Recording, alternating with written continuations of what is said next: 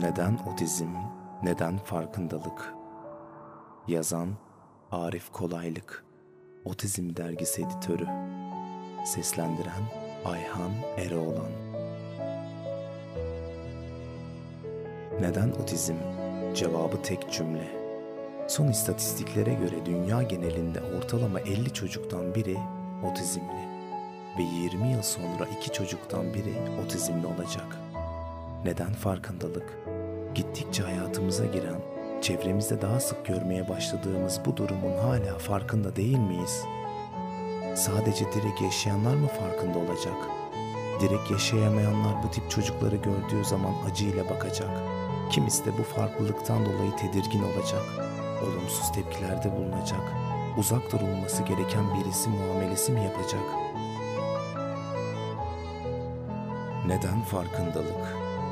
Otizm şüphesi olan, hatta resmen otizm teşhisi almış bir anne babanın bunu kabullenmemesi, görmezden gelmesi, çocuğunun problemli davranışlarını görmesine rağmen bu da geçecek.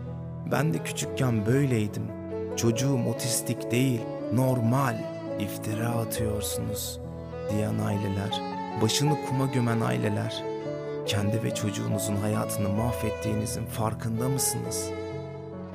Neden farkındalık? Otizmin tek bilimsel olarak kanıtlanmış tedavisi özel eğitim ve devlet ayda 8 saat eğitimin ücretini karşılıyor. Ayda 8 saat eğitim kesinlikle yeterli değil çocuklarımız için. Bu durumun aileler üzerinde oluşturduğu maddi yükün farkında mısınız? Neden farkındalık? Yolda çocuğunuzla giderken veya toplu taşımadayken veya misafirlikteyken çocuğunuzun öfke krizine girmesi, başkalarına göre normal olmayan takıntılı davranışları, hareketleri, bunu gören insanların size ve çocuğunuza garip bakışları, kendince çocuğu sakinleştirme çabaları, üstüne üstlük sen bu çocuğu çok şımartmışsın, iyi terbiye edememişsin gibi bizleri yıkan ifadeleri, acıma, korku, aşağılama hissettiren bakışları, biz aileleri psikolojikman ne duruma düşürüyor farkında mısınız? Neden farkındalık? Eğitim her çocuğun hakkıdır. Bizim çocuklarımızın da. Devlet bu hakkı bize vermişken eksik sistem ve uygulama yüzünden bu çocuklarımızın bu hakkını alamadığımızın problemli davranışlarından dolayı okul yönetimi, çocuklar ve aileler tarafından dışlandığımızın en temel ve olmazsa olmaz hakkımız olan eğitimden faydalanamadığımızın farkında mısınız? Neden farkındalık? Otizmli bireyler doğru ve yoğun eğitimle toplumla uyumlu yaşam sürebilecek, kendi ihtiyaçlarını görebilecek, meslek sahibi olabileceklerini de biliyor muydunuz?